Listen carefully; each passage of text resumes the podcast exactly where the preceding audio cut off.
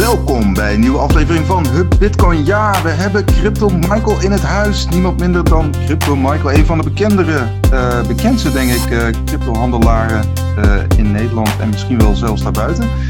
Um, ja, deze aflevering wordt mede mogelijk gemaakt door knaken.nl en um, stacking.com.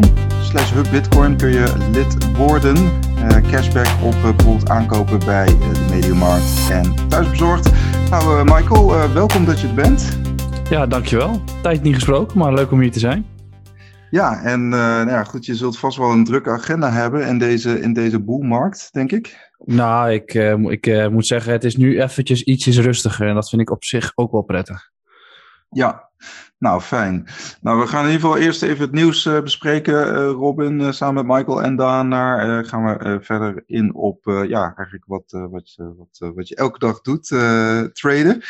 Um, ja, we zagen Elon Musk, die heeft natuurlijk samen met Michael Saylor en enkele andere miners, hebben ze de Bitcoin Mining Council opgericht. Dus eigenlijk het, het, hele idee daarachter is om meer inzicht te krijgen in de, energieconsumptie van, van Bitcoin mining.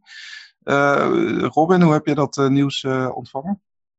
Ja, ze brengen het inderdaad als: hey, we gaan iets goeds doen. We gaan de energieprofiel in kaart brengen van Bitcoin miners. Maar het riekt ook wel een beetje naar een manier om te kijken hoe je de Bitcoin mining markt kunt beïnvloeden. Want als er -hmm. bepaalde richtlijnen zouden komen voor Bitcoin miners, dan is zo'n Bitcoin Mining Council een pion die daarvoor ingezet kan worden. Dus ik sta niet per se te juichen, maar tegelijkertijd ja, op het Bitcoin-protocol mag je als miner zelf bepalen hoe je je gevonden blokken inricht en wat je daarmee doet en hoe je dat insteekt. En hoe je aan je energie komt, dat maakt Bitcoin niet uit. Dus in principe staat het iedereen vrij om zo'n organisatie op te richten. Maar ik sta niet op de banken of zo. Nee. Uh, Mike, hoe heb jij het uh, ontvangen, dit nieuws? Uh, want ja, Bitcoin is natuurlijk van qua protocol decentraal. dit, dit, dit ja, kunt zeggen, dit is misschien een signaal van meer centralisatie van, qua mining? Ja, ik moet je heel eerlijk zeggen dat ik uh, sinds uh, Tesla naar buiten kwam over het energieverhaal, ik nog steeds mijn vraagtekens heb bij waarom dat ineens nu een hot topic is geworden. Mm -hmm. dus ik, ik zit met dit onderwerp zit ik echt aan de zijkant een beetje te kijken van wat hier nou echt gebeurt en welke agenda er nou daadwerkelijk speelt. want ik heb het idee dat het een soort van rookgordijn is. Ehm, ja. waar mijn achter verschuilt en dat er iets heel anders gaande is. Alleen ik kan nog niet, ik kan nog niet achterhalen wat nou daadwerkelijk de agenda is van deze partijen. Um, als je het inderdaad in de positieve zin uitlegt, dan wordt het energie groener of uh, wat dan ook. Um, maar ja ik, ja, ik vind het gewoon een ontzettend moeilijk onderwerp, dit stuk. Ik zag een mooi uh, conspiracy dingetje. Laten we gelijk de aluminiumhoed opzetten. ja. um, Tesla die draait onder andere op uh, zijn een soort energiecoupons in Amerika. Die krijg je zeg maar als je groen, een groen bedrijf bent. Ben je geen groen bedrijf, dan uh, kun je die coupons, ko coupons, kopen om zo je uitstoot te compenseren, zeg maar financieel. Ja. Vroeger kocht je je zonde af bij de kerk en nu kun je dat op die manier doen uh, voor deze uh, categorie. En er zou natuurlijk iets kunnen spelen dat Musk zoiets heeft van: hey, straks kan ik die, ik weet niet precies de naam hoor, maar ik noem ze even energiecoupons, verkopen aan bitcoin miners als zij bijvoorbeeld in Amerika moeten voldoen aan een aantal richtlijnen. Als jij niet groen genoeg bent, dan heb je die coupons nodig, zeg maar. Dus dat zou een insteek kunnen zijn waarop uh, Musk een soort van 4D, 5D chess aan het spelen is. Met hele andere belangen. Het kan ook gewoon zijn dat hij de markt in is gesprongen. En heeft gezegd van uh, ik ga de boel eens even veranderen. Want uh, ik ben Elon Musk. Nou ja, hij is, hij is wat dat betreft niet de enige die dat doet. Hè? Want ik kan me een interview herinneren van, van, van Anthony Pompliano met Kevin O'Leary, volgens mij. Ja. Waarbij Kevin O'Leary is van Shark Tank. Een uh, rijke miljardair. En die gaf toen aan dat hij alleen wilde investeren in bitcoins die groen gemined waren of iets dergelijks. Ja. Dus dat onderwerp dat is schijnbaar in die kring uh, al een hele tijd het discussiepunt. Alleen nu hangt het over de hele markt heen op een manier waarvan ik denk, ja, maar dit is niet de juiste manier. Dus uh, ik weet oprecht niet wat een, wat een insteek erin is. Ik weet alleen dat het schijnbaar een hot topic is bij hun allemaal. Ja, ja wat, je, wat je ziet, ik, er waren natuurlijk ook wel wat uh, hè, inderdaad. Uh, onder andere Marty Band van Great American Mining en uh, Dan Held van de Kraken Exchange. En eigenlijk zeggen zij ook van ja, het, eigenlijk, het, het is een nieuw soort frame um, van ja, groen mining, groene mining, wat, wat dan eigenlijk haak staat op blijkbaar vervuilend en, en vieze bitcoin. Hè? Want in dat frame kom je dus. Het, en, en zij zeggen eigenlijk, ja, dat is niet terecht. Hè? Dus, dus we hoeven ons niet te verdedigen. Ehm, wat betreft onze, energie, onze energieconsumptie. Um, dus dat, dat is weer het andere verhaal, hè? Dat, dat, dat, dat men zo bijvoorbeeld in Amerika er tegenaan kijkt. En het is natuurlijk wel een beetje gek, want stel dat dit door, stel dat, dat is totaal niet aan de hand hoor, maar stel dat er in Amerika een soort van protocol komt waar alle grote miners aan moeten voldoen, wat betreft groene, tussen aanleidingstekens energie, wat dat dan ook betekent.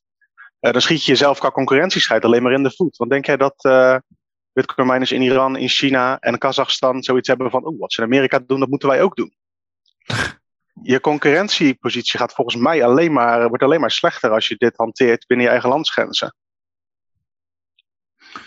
Ja, inderdaad. Het kan, er, het kan er wellicht voor zorgen. Ja, kijk, in Amerika heb je volgens mij veel, veel lokale fiscale voordelen natuurlijk. Hè? Texas en, en, en uh, andere Nebraska, ben ik. En die proberen miners uh, binnen te trekken. Dus, dus uh, ja. Procentueel valt het ook nog wel mee, zeg maar, ook qua hun aandeel überhaupt. Dus het is een beetje de vraag, en dat weten we dus inderdaad nog niet, van hoe actief gaan dit soort gasten zich bemoeien. Kijk, wat ik wel vind, um, is een lobby, als er een anti-lobbyclub is, is het op zich niet verkeerd om ook in die regionen een pro-lobbyclub te hebben. Maar de vraag is dus of dat ook zo is in, deze situatie. Want hoe je het ook went of keert, uh, zulke soort miljardairs leven toch in een andere wereld uh, dan het normale voetvolk, volgens mij. Ja, de vraag is ook een beetje waar Michael uh, ook op duidt: van is er een, is er een dubbele agenda? Waar, waar denk je dan zelf bijvoorbeeld aan? Want op zich, uh, Tesla heeft natuurlijk nog steeds, uh, volgens mij, nou, toch wel 1,3 miljard dollar aan Bitcoin nog steeds op de balans. Ja. ja. Nou ja, kijk, het is vooral, vooral, kijk, Tesla is bepaald niet energiezuinig met het bouwen van die auto's zelf. Dus het is gewoon mm -hmm. vrij ja, relatief dom argument wat gebruikt wordt tegen Bitcoin nu. Ehm, en het is ook nog steeds, het is een relatief nieuwe markt. Hè? Dus de meest simpele invalshoek die je hebt, is dat ze gewoon dit nieuws gebruiken om zelf te accumuleren. Dat is gewoon, uh, ja, dat zou me echt nul verbazen als dat gebeurt. Want dat is, uh, zo'n jonge markt zitten we nog steeds in. Zo'n kleine markt zitten we ook nog steeds in. Ja, ongereguleerd. Uh, ongereguleerd, ook dat. Dus dit soort spelletjes, en daar is Elon Musk in principe wel een koning in, ehm, kunnen nog gewoon gedaan worden. Dus het zou me ook niet verbazen op het moment dat Bitcoin straks iets omhoog gaat rennen, dat we ineens weer heel erg positief nieuws zien en de ene of de andere institutional heeft gekocht. Uh, zo zou, zo zou, dat is de meest simpele invalshoek. Ja, want het is ook zo, uh, als er nu een groep komt, wat jij zegt, van mensen die opnieuw met grote aantallen dollars gaan smijten en bitcoin kopen, dan draait het sentiment ook zo weer om. Alleen ik vraag me af of ze, of jij, uh, of ze onder één hoedje kunnen spelen. Want het zijn ook natuurlijk allemaal gewoon egootjes. het is niet, ik denk niet dat er een soort van uh, algemene tactiek is om dit voor elkaar te krijgen. Dat moet dan wel uit een paar spelers komen, denk ik. Of ben ik dan te naïef? Mm, weet je, het probleem is, is dat je nooit kunt achterhalen wat er daadwerkelijk speelt. Dus ook al, ook al ben, zijn we dit nu aan het speculeren. Je weet het nooit zeker. En je, gaat dat je invloeden in je investeringskansen of in je investeringsstrategie? Ik denk het niet. Um, ja, dat is wel een goed punt. Ja. Van laat je je beïnvloeden hierdoor. Ja, ik denk dat veel mensen dat wel geneigd zijn om te doen, omdat ze heel emotioneel betrokken zijn bij de markt en toch denken van oké, nou zo'n Elon Musk die zegt dit, dus dan doe ik dat ook maar. Um, terwijl je juist eigenlijk neutraal erin zou moeten staan en gewoon uh, je eigen investeringsstrategie zou moeten benutten. Misschien wel uh, exact het tegenovergestelde moet doen van wat, je, wat, van wat de massa denkt dat, dat je moet doen. Ja, voor uh, mij verandert er niet zoveel. Ik probeer gewoon uh, gezette tijden bitcoin te sparen. verander jij nu dan je, je bitcoin accumulatietactieken, zeg maar? Nee, in dit soort sentiment? In principe niet. Um, al zie ik wel net zo goed als denk ik iedereen dat ongeveer het sentiment rond bitcoin gewoon heel slecht is. Maar onder, onder de, de altcoins dat het dat het juist weer neutraal of positief is. Dus dat is een beetje een gekke markt waar we in zitten nu. Uh, maar ik verander in principe niet mijn strategie, nee. Uh, behalve dan dat het feit dat deze klap omlaag veel harder is geweest dan dat ik dacht dat die zou zijn. Ja. Uh, maar Hoe zit jij er dan bij? Als er dan uh, in één keer 20, 30 procent afgaat in een dag? Rustig of doet het je wel wat, zeg maar? Nou, nou ja, prijstechnisch maakt het me niet heel veel uit. En daarnaast, al had ik iets willen doen op het moment van de klap, kon ik dat niet, want alle exchanges lagen er ongeveer uit. Ja. Dus dat, eh, dat is op zich wel een leuke bijkomstigheid, dat je gewoon letterlijk niks kan, behalve dat je geld verliest. Ve- ve- dat, ben je daar nog, ik, ik ben daar wel verbaasd over, hè, dat we anno 2021 nog steeds diezelfde problemen hebben als in 2017. Ik ben daar niet per se heel verbaasd over, omdat je, ehm, je hebt in die hele periode van februari tot aan mei, laten we dat noemen, heb je zoveel nieuwe mensen in de markt zien komen. Ja. Ehm, als ik naar mezelf kijk en ook naar de andere social media accounts, we hebben een groei doorgemaakt die ik echt nooit voor mogelijk had geacht. Um, en dat vertaalt zich dan ook naar het aantal nieuwe accounts op exchanges. En als je ziet naar de partijen waar ik mee werk, um, ook bij ons op beursvloer, hoeveel inflow er was, dat geen enkele partij het eigenlijk meer aankon, wij zelf ook niet. dan is het niet gek dat een exchange ook ineens getallen voor zijn neus ziet met nieuwe mensen die binnenkomen, dat gewoon werkelijk niet aankunnen. Dat kunnen de Nederlandse partijen ook niet. Je ziet ook bij uh, Bitfavo en andere partijen dat er klachten zijn over de lange, lange wachttijd op bepaalde tickets. Nou, dat komt gewoon omdat er zoveel mensen ineens mee bezig waren gedurende die coronaperiode. Dus dat het gebeurt is op zich niet gek, maar het moment is wel gek. Je kon inderdaad geen euro's uh, overmaken naar uh, bijvoorbeeld Bit, Bitfavo. Uh, ik weet persoonlijk heb ik toen uiteindelijk via Binance lukte het me wel. Dat duurde dan eventjes, maar uh, daar, uh, daar lukte het uiteindelijk wel. Ja, het is vaak een samenloop van omstandigheden. Want het is ook niet alleen de infrastructuur van zo'n beurs of broker. Want je hebt ook gewoon met de betaalverwerkers en zo nog te maken. Dus er spelen allerlei verschillende factoren. En er hoeft maar één dingetje niet goed geregeld te zijn vanuit de beurs of ergens anders. En dan klettert heel die chain eventjes in elkaar, zeg maar. Heel die, uh, die cyclus van storten en opnames. Uh, dat zag je toch al op het moment van, van de klap zelf, klapte Coinbase eruit. En Coinbase is een belangrijke API voor al die andere exchanges, waardoor doordat die eruit klapte, ineens alle exchanges moeite kregen. En die hadden ook al moeite vanuit zichzelf. Maar binnen Binance, het futures en de spot platform, zag je een spread van 5 tot 7 procent. En je zag gewoon 1 minuut candles van 3.000, 4.000 dollar. Dus daar ja. zat gewoon iets niet goed. En dat is hetzelfde als wat we gezien hebben in maart 2020 toen Bitmax eruit klapte. Uh, het is fijn dat de trading halted was, of in ieder geval niet mogelijk was op een gegeven moment. Bij Bitmax in maart 2020 dat ze gewoon stopgezet hebben. En op zo'n moment kan je gewoon naar nul. Ja. En hoe, hoe zit jij dan op dat moment achter je scherm? Hè? Achter je drie of vier schermen, moet ik zeggen. Uh, je kunt niks doen, je kunt geen trades plaatsen. Uh, hoe ga je daarmee om? Nou ja, ik, nogmaals, die koers, daar ben ik het minst, uh, minst heftig mee bezig. Omdat ik, ik ga gewoon scenario's af in mijn hoofd. Dus ik ga, ik ga naar levels kijken. Ik ga kijken ook wat voor scenario's er zijn. Dan ga je een soort van kansberekening maken. Op basis daarvan maak je keuzes. Hm. Um, alleen ze worden wel complex in zo'n klap omlaag. Want voor hetzelfde geld was het gewoon echt een, een, een, een soort van fake-out geweest. En hadden we gewoon nu weer op 48k gestaan. Dus je wil ook niet te snel bepaalde keuzes maken in zo'n hele impulsieve actie. Of zo'n beweging. Het meeste waar je wel last van hebt, is dat vervolgens iedereen aan je hoofd begint te zeuren van wat moet ik nu doen. Uh, in, in, je nabije omgeving, ik denk dat jullie dat zelf ook hebben gehad. In je nabije omgeving krijg je berichten, op werk krijg je berichten, social media ja. komt erachteraan zetten. Ja. Dat is iets wat nog wel moeilijker is dan, uh, dan uh, überhaupt de prijs, denk ik. Ja, bij jou is dat ook wel een beetje je merk natuurlijk. In de zin van, je draagt ook uit van, hé, hey, ik ben aan het traden, ik laat zien wat ik, wat ik doe. Het is niet gek dat dat ook vragen opwekt, denk ik, bij mensen. Nee, ja, weet je, kijk, als jij het goed doet, dan, uh, dan ben je de koning. En als je het slecht doet, dan, uh, dan, uh, dan hangen ze je op het liefst. Mm. Maar dan zoeken ze in ieder geval een zonnebok waar ze gewoon af kunnen schelden op hun eigen verliezen. Um, ja. En het grappige is, is dat ze dan, dan bij mij persoonlijk gaan ze kijken van oké, okay, je bent ontzettend bullish geweest over de markt en dan gaat het nu omlaag. Dus ik schiet jou neer. Terwijl op het moment dat iets heel hard omlaag of omhoog gaat, ben ik juist heel conservatief, zeg ik dat je niet moet kopen. En daar hoor ik dan nooit iemand over. Dus het is een beetje ja. uh, die, die korte termijn visie die binnen de cryptomarkt hangt en uh, het sentiment wat daaraan gekoppeld is. En dat is waarom we nu ook met z'n allen op een soort van begrafenis leven, heb ik het idee. Ja, tegelijkertijd uh, gebeurt er natuurlijk nog genoeg. Het is niet zo dat het stilstaat allemaal. Het, nee, ja, maar goed, het gaat uiteindelijk over om de koers voor een constante stroom aan... stiekem is er heel veel positief nieuws. Alleen het nieuws dat goed gelezen wordt, is dat over Elon Musk, bij wijze van spreken. Ja, nou goed, Elon Musk heb ik sowieso een haat-liefde verhouding mee, want hij heeft me wel een paar keer naar tv gebracht. Maar voor de rest vind ik het een hele vervelende vent. Ja. Uh, het gaat constant over hem. Ja, eens. Laten we dan over een ander onderwerpje pakken. Blijven we even in Amerika. Ja. En dat is meer eh, een beetje voor het sentiment eh, wat er dan eh, ontstaat in de wereld. Biden die maakte zijn eh, jaarbegroting, althans zijn verzoek voor de jaarbegroting eh, bekend voor 2022. 6000 miljard dollar eh, voor de Amerikaanse overheid om eh, het staatsapparaat werkende te houden en eh, Ja. te laten functioneren. Ja. Ja, dat is per, per jaar inderdaad. Ja, per jaar. ja, dat gaat op een gegeven moment gewoon een keer fout. Het is hartstikke leuk dat hij het doet. Hij moet het waarschijnlijk ook. Ze hebben ook niet echt meer een weg terug. Maar op een gegeven moment gaat dit gewoon ontzettend fout.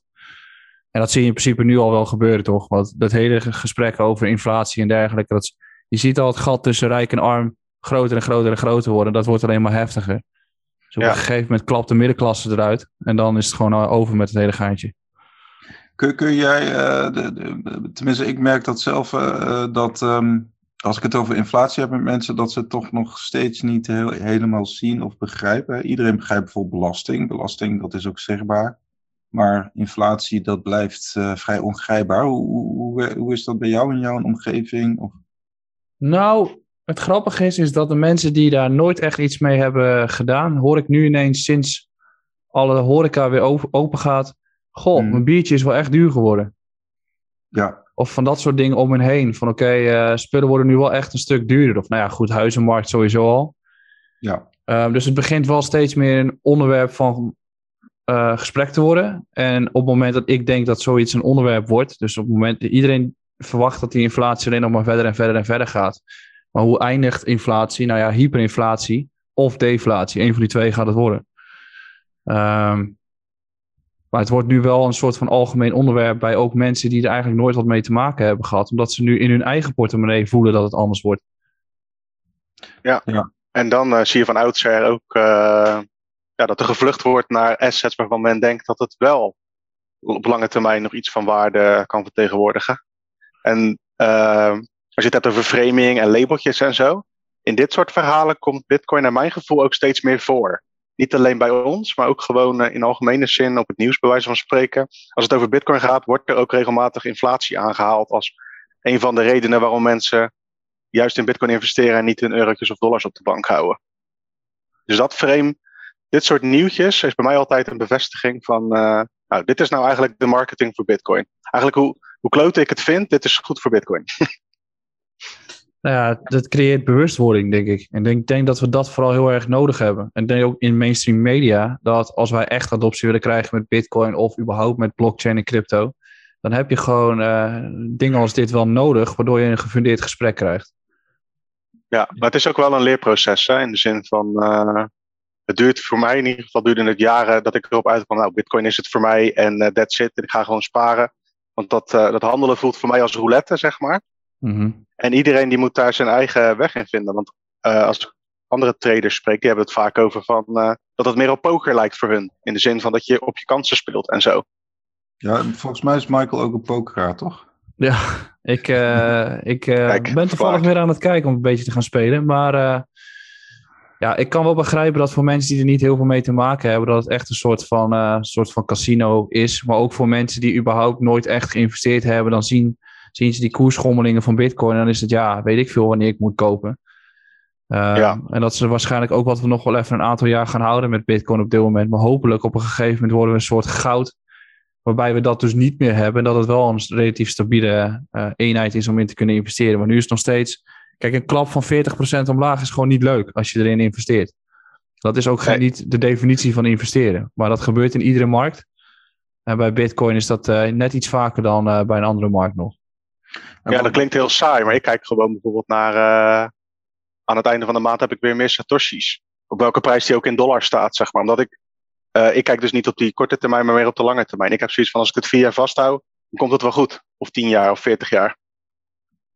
Ja, En als je actief handelt, dan ben je eigenlijk ben je met een heel ander spelletje bezig. Je bent meer aan het kijken naar het sentiment en naar hoe andere mensen gaan reageren op de markt. In plaats van eh, een iets langere termijn eh, insteek. Klopt dat een beetje als ik het zo schets of niet?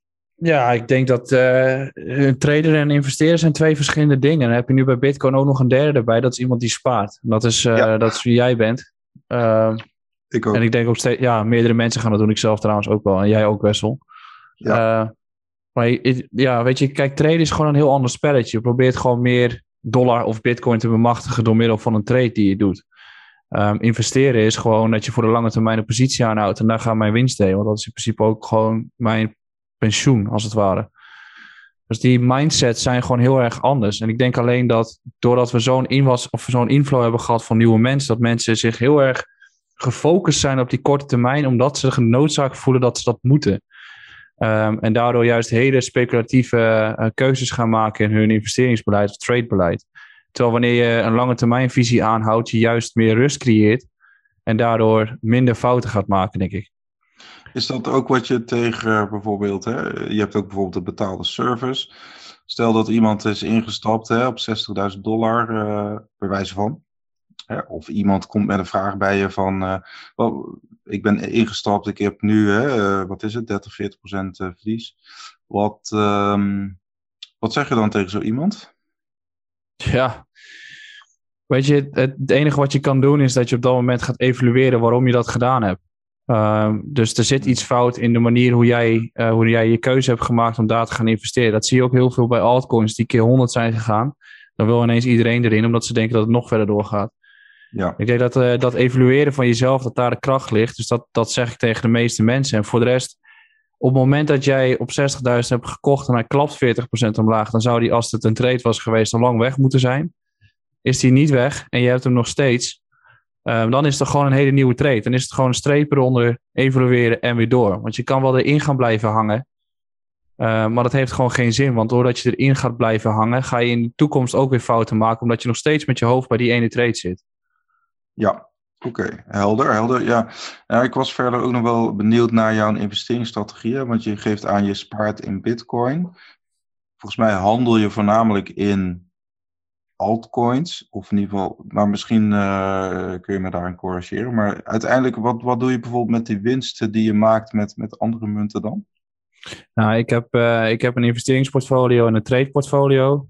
Uh, mijn investeringsportfolio is ongeveer 80% van mijn gehele crypto portfolio. Um, en daar is het grootste gedeelte van Bitcoin. Al moet ik zeggen dat er wel steeds meer, uh, dat ik steeds meer uh, Ethereum erin heb zitten nu. Oeh. Ik zal het maar niet hier zeggen, maar.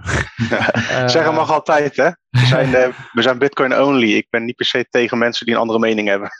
nee, maar Bitcoin is daar voor mij, um, ja, weet je, het meest harde geld dat wij hebben. Um, en het meest veilig om in te zitten. Dus dat, dat is vanuit die optiek qua investering ook gewoon het fijnste. Is Bitcoin ook niet een in dit portfolio ook weer een hedge? Nou, Dan tegen, tegen, tegen de rest. Nou, het is vooral, kijk, als jij een investeerder bent, wil jij niet zoveel risico dragen. Je gaat op zoek naar, naar assets die zo min mogelijk risico hebben, omdat je gewoon niet wilt hebben dat je hele hoge schommeling in je portfolio hebt. Mm. Um, anders is het geen investering. Um, in mijn ogen. Dus ik, als ik dan in de crypto portfolio wil gaan zitten, dan is voor mij Bitcoin en Ethereum zijn de enige twee waar ik dan vervolgens in kan gaan zitten en het meeste in Bitcoin. Omdat door middel van Bitcoin kan ik altijd mijn koopkracht behouden. Alleen Ethereum ben ik wel qua toepassingen heel positief over. Um, en ik denk daarnaast dat op het moment, ik heb ook nog Polkadot er een beetje bij hangen, um, dat op het moment dat platformen het niet gaan doen, dan gaat er überhaupt niets gebouwd worden. Dus kijk, Bitcoin is voor mij gewoon de grootste daarin. Maar um, ik vind wel dat je daar ook nog een paar andere munten bij zou moeten kunnen doen. Je moet alleen niet 100% in een altcoin gaan zitten, want wat, wat heb je daaraan? Ja. En dan buiten die crypto, volgens mij buiten die crypto portefeuille heb je ook bijvoorbeeld, volgens mij zit je ook in edelmetalen, als ik het goed begrijp? Of? Ja, uh, ik heb uh, edelmetalen. En sinds kort is mijn beste investering uh, geweest mijn auto. Daar heb ik het minst op verloren. die heb je, heb je vaker gebruikt, of niet? Verzin je niet te plekken? nee, nee, nee, nee. Die, ja, die grap die doe, maak ik soms als een soort van boel met kiespijn nu. maar, ja, ja, ik snap het. Maar ja, ik heb edelmetalen. Uh, en ik, heb, ik, zit, ik zit een beetje in uranium. Dat is op zich ook nog best wel een goede geweest in, in de laatste zes maanden. Hoor je niet echt heel veel mensen nog wat over. Ja. Um, en ik heb cash. Klinkt gek, maar liquide blijven op het moment dat straks de crisis komt, is wel de, dat is wel de beste zet. Um, dus dat heb ik ook ten alle tijden. Hm. Nou, het is toch weer net een andere strategie die volgens mij uh, wij hebben, Robin. Of in ieder geval, ik zal voor mezelf spreken.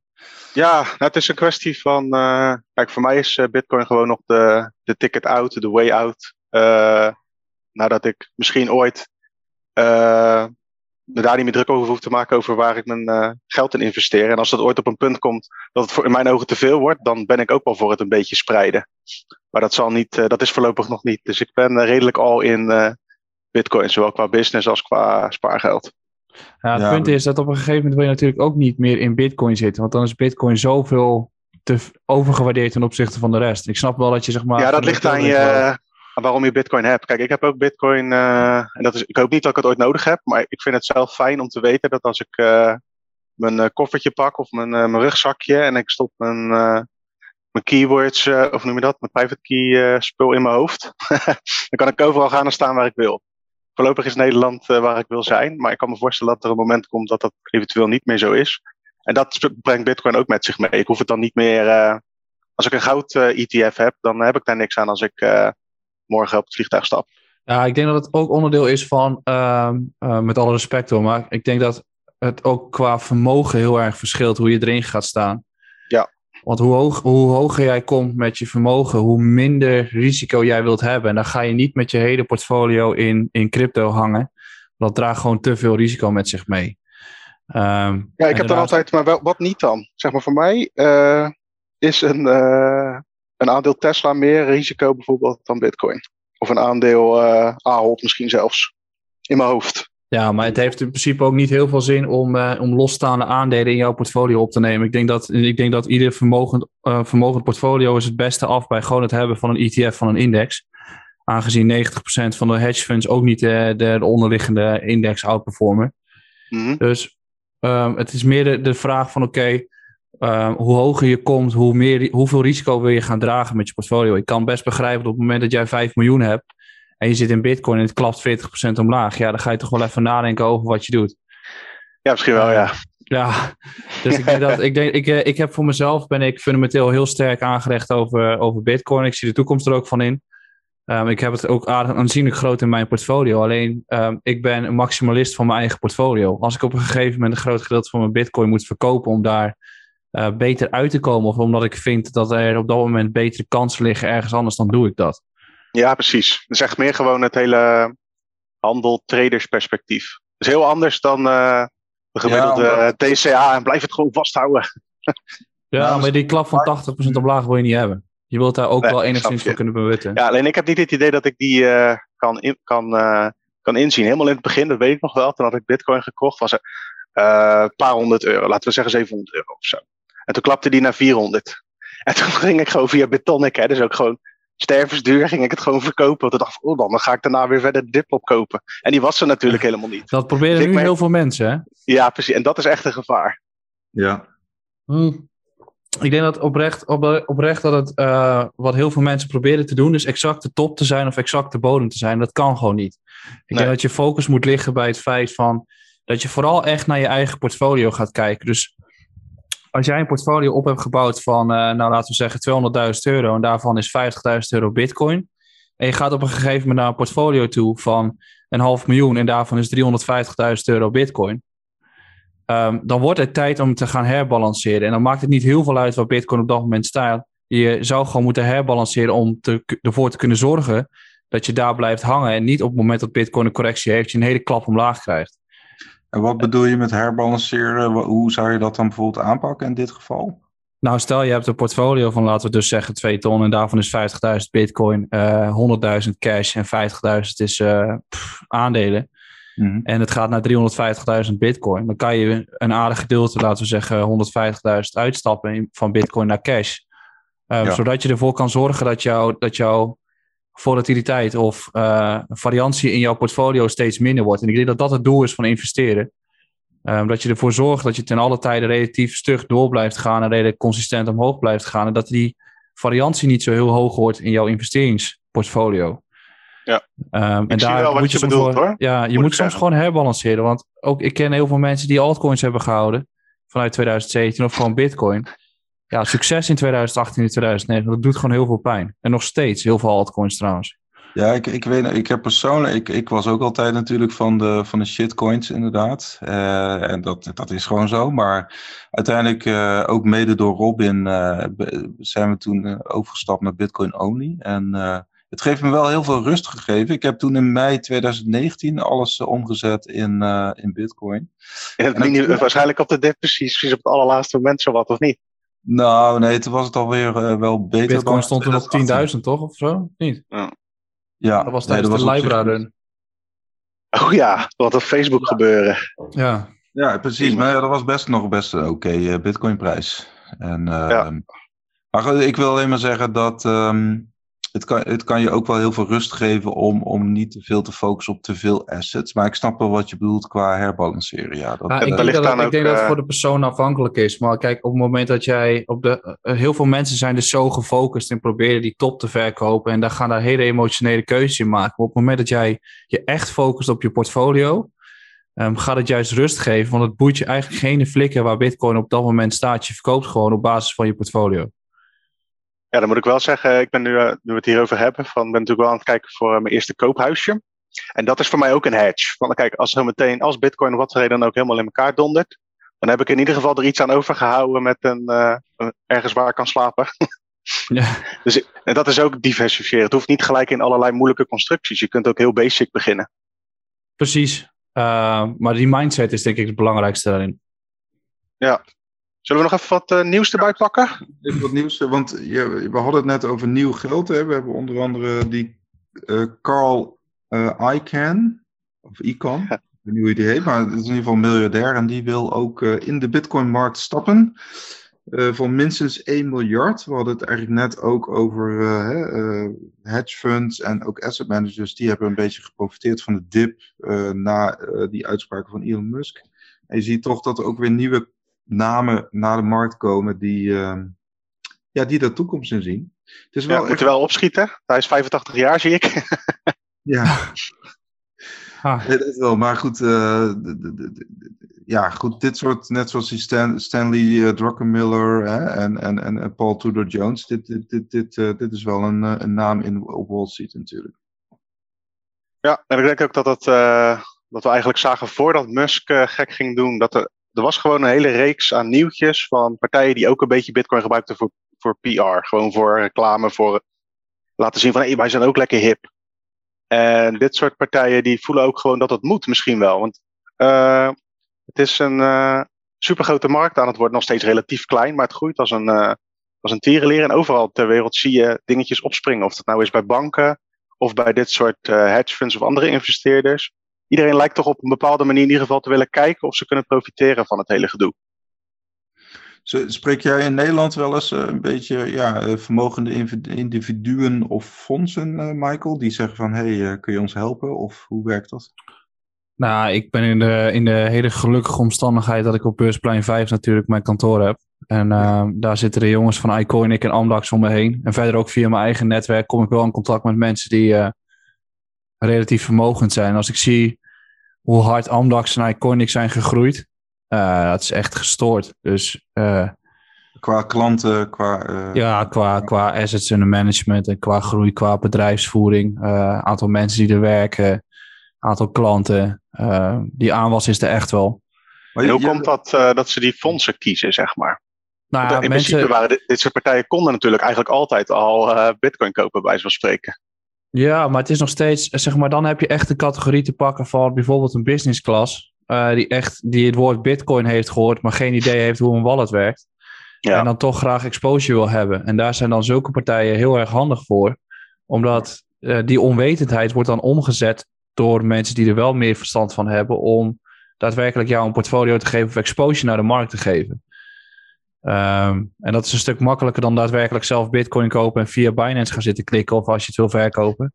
Dat zie ik een 60-jarige kerel met alle respect niet doen. En dat wil hij waarschijnlijk zelf ook niet. Hij wil gewoon exposure hebben in zijn portfolio naar crypto. En dan komt hij bij zulke partijen uit.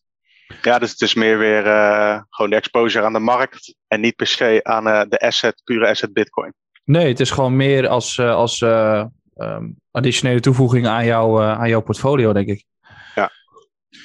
Uh, ja, Mike, ja, ik, ken, ik ken natuurlijk Beursplein 5 ook, maar je, je hebt altijd wel bewust voor gekozen om onafhankelijk te blijven, uh, ook al zit je natuurlijk op hetzelfde kantoor.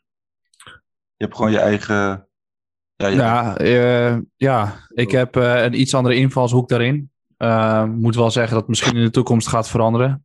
Het heeft daarnaast ook gewoon nog een praktisch iets. Ik kwam op, op wanneer was het? Februari 2018 kwam ik op Beursplein.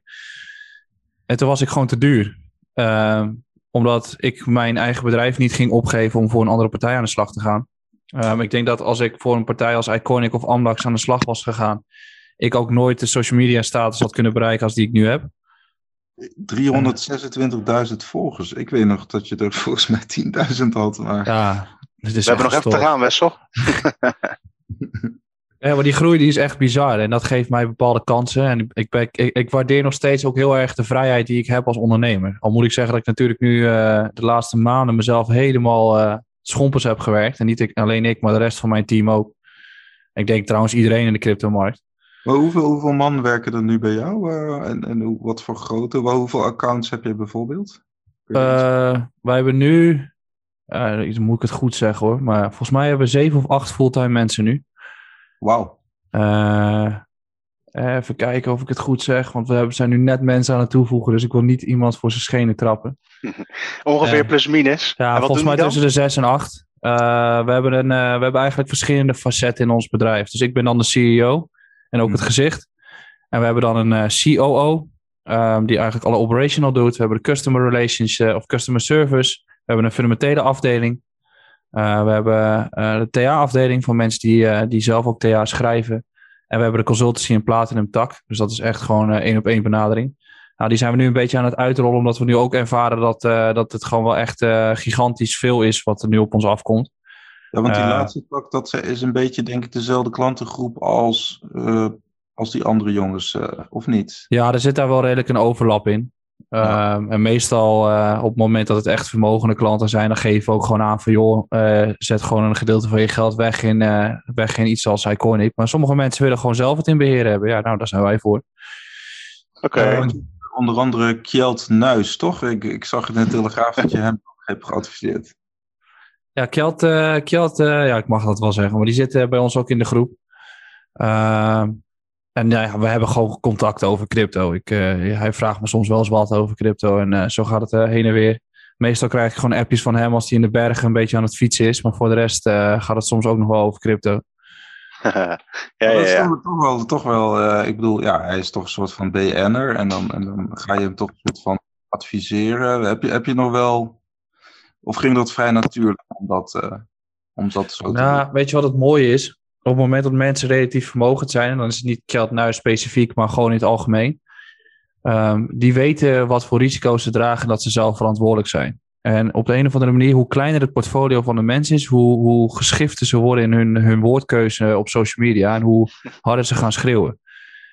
Um, dus dat, daar hangt gewoon een soort van mentaliteit bij vermogende mensen die gewoon accepteren van oké, dit is een, uh, een daling geweest of jij heeft het fout gehad. Dat is part of the game, we gaan door. En dat is op zich wel prettiger werken dan wanneer je met een groepje gasten zit die, uh, die om ieder ding gaan lopen schreeuwen naar je hoofd. Want dat werkt gewoon niet heel erg uh, productief ja. om heel eerlijk te zijn. Een praktisch ja. vraagje. heb, heb jij ook te maken met DNB, met de Nederlandse bank als toezichthouder of is dat weer wat anders? Nee, daar hebben wij op dit moment geen, geen, geen last van of niet mee te maken. we hebben wel contact gehad met de AFM hierover. Mm. Um, en gekeken van oké, okay, wat, wat, welke ruimte hebben wij? Uh, nou, in principe is crypto nog geen financieel instrument, maar dat komt er natuurlijk wel aan. Ja, dat kan niet lang duren. Nee, dat kan, nee ja, dan zouden we wel daarin uh, bepaalde keuzes moeten maken. Maar goed, dan hebben we nog steeds mensen in ons team zitten die wel gewoon uh, alle papieren hebben. Dus dan kunnen we relatief snel doorschakelen. Ja, dus dan moet je. Wij, we zijn geen custodian en geen fonds. We geven alleen, ja, we geven ook niet per se persoonlijk financieel advies. We delen onze eigen visie. En uh, de strategie hoe je een portfolio opbouwt. Maar voor de rest, wat je erin doet, is nog altijd je eigen keuze. Ja, want ik begrijp in de markt heb je natuurlijk, hè, je hebt bijvoorbeeld software, hè, zoals uh, Crypto Hopper of um, nou ja, bijvoorbeeld uh, trading bots. Hè. Mm -hmm.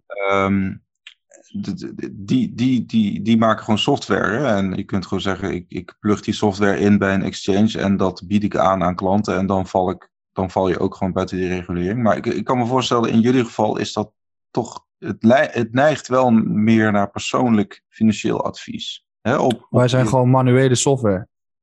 Ja. Hmm. nee, maar. Uh, Filosofisch. nee, maar die, die, dat is toch ook eigenlijk als je naar die tradingbots kijkt. Kijk, uh, dat is toch ook vaag hoe dat ingedeeld wordt. Ehm, als iemand Hmm. eh, een paar ton neerzet bij een bot en dat ding slaat op hol, dan is het gewoon, ja, software. Maar eh, ondertussen ben je wel aan het klikken met je hele portfolio. Dus Ja. er zit inderdaad een hele duidelijk, er zit een heel fijn lijntje tussen. Ehm, en daar hebben wij ook gewoon contact over om te voorkomen dat we daarin verkeerde keuzes maken. Al zou ik het wel prettig vinden als er meer regulatie komt. Ehm, omdat ik ook knettergek word van alle pump-and-dump groepen die er zijn. En alle zogenaamde crypto-influencers die we er nu eh, vriendelijk bij hebben gekregen de laatste maanden. Die dan met eh, eh, Elon Sky en Xpose en weet ik veel wat allemaal lopen te, te schreeuwen op social media. Daar, daar, daar kan ik me nog het meest aan storen. Nou, zelfs Mark Overmars is er ingetrapt. eh. Ah, ingetrapt wil ik niet per se zeggen. Ehm, Wij ik, wel. weet niet of die, ik weet ook niet of hij een zogenaamde actieve herinnering eraan heeft. Eh, Ja, misschien het is het zegt wel gewoon veel een over de eh, markt. via via geweest. Ja, het zegt heel veel over de markt inderdaad, ja. En dat is gewoon jammer, omdat, omdat eh, ik heb het wel eens vaker gezegd, ook eh, publiekelijk. ehm, op tv of in de media gaat het doorgaans of over Elon Musk en Bitcoin, of over de grootste shitcoin die er is. En er zit Ja. niks tussenin. Terwijl daadwerkelijk Bitcoin en crypto, en er zit gewoon een heel fundamenteel aspect achter, die wij ook niet geleerd krijgen op de, op de, op de universiteit en op de middelbare scholen. En ik vind dat wel jammer. En ik hoop dat dat gaat wijzigen. En er worden ook initiatieven gestart om dat juist te wijzigen. Maar dat duurt gewoon nog even. En in Dat gaat wel even helemaal- duren. Ja, Nee, je Maar tegelijkertijd eh, is het denk ik wel een kwestie van tijd. In de zin van heel veel mensen komen nu toch, of dat nou via een fondsje is of via PayPal, dat eh, kunnen we het zo nog even over hebben. Je krijgt mensen die voor het eerst in contact komen met Bitcoin en dan de markt opgaan. En dan kan het best wel lang duren voordat je eh, een soort van volwassen gebruikers hebt. Maar die trend is wel ingezet. Ja, het is, eh, ik, ik, ik vind het heel mooi dat er nu steeds meer die vergelijking getrokken wordt. Maar het is een beetje de dotcom-bubbel van crypto nu, vind ik. Ik bedoel, Ja, iedereen is als speculant bezig in de cryptomarkt. En dat was in de dotcom-bubbel ook zo. Maar de echte adoptie komt daarna. Eens, eens. Dus het is meer dat iedereen nu bezig is met crypto investeren. Eh, waarbij ik denk dat op het moment dat straks deze bubbel wel klapt. eh, en we in een crisis zitten, dat we dan de echte adoptie gaan krijgen. Dat iedereen crypto gaat gebruiken. Ik hoorde inderdaad vanochtend iemand zei dat, volgens mij was het Lynn Alden, die zei bijvoorbeeld Cisco. Hè? Cisco was echt een soort backbone van internet.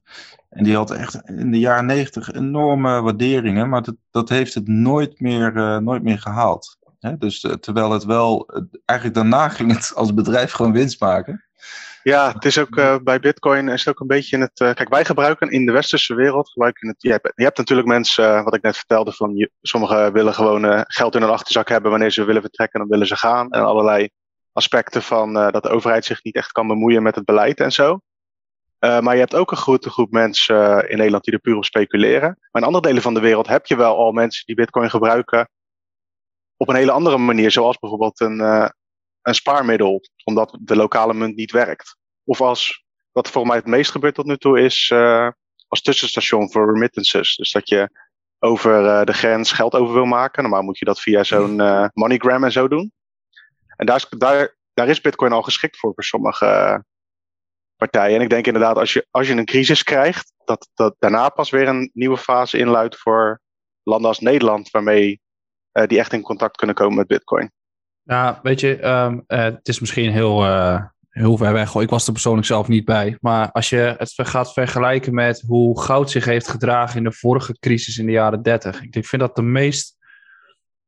ehm, ik, denk, ik denk misschien beste vergelijking met wat er mogelijk staat te gebeuren in de komende jaren. Hm? Goud deed het ook best goed in 1929, 1930. Toen hadden we ook in Amerika dat vastgoed ontzettend hard aan het rennen was. Inflatie, eh, geldprinterij, al die, al die poespas was toen. En toen klapte die bubbel. En het eerste wat gebeurde is dat er natuurlijk die liquiditeitsrun is en dat de waarde van goud heel erg hard omlaag gaat. Eh, de waarde van aandelen klapt omlaag. Nou ja, dat, eh, dat, dat zie je in die charts ook wel voorbij komen, in die grafieken. Wat er in de jaren daarna, in, in een periode van zeven jaar, tijdens deflatie is gebeurd, is dat de waarde van goud gewoon zes, keer zes is gegaan. Waarom? Omdat mensen het niet vertrouwden, de overheid niet meer vertrouwde.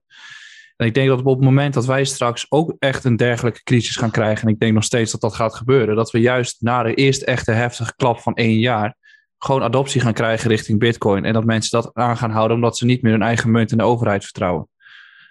Eh, ik vind dat een, een van de meest aannemelijke scenario's die wij gaan zien. En op wat voor termijn zie je dat? Want bijvoorbeeld, e-, even bijvoorbeeld gefocust op Nederland. Hè. bijvoorbeeld de Nederlandse overheid heeft gezegd, nou ja, we gaan de komende drie, vier maanden gaan we nog bedrijven ondersteunen. Maar ja, goed, uiteindelijk gaat die geldkraan ook dicht. Hè? Want je kunt zeggen, nou goed, dan hè, vanaf september, oktober, dan is bij van iedereen gevaccineerd en dan is er gewoon minder, ehm, minder risico.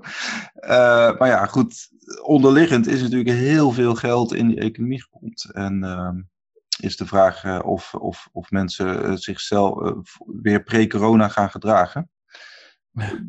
de vraag is eigenlijk van op wat voor termijn zie je inderdaad zo'n toch een doemscenario ontwikkelen.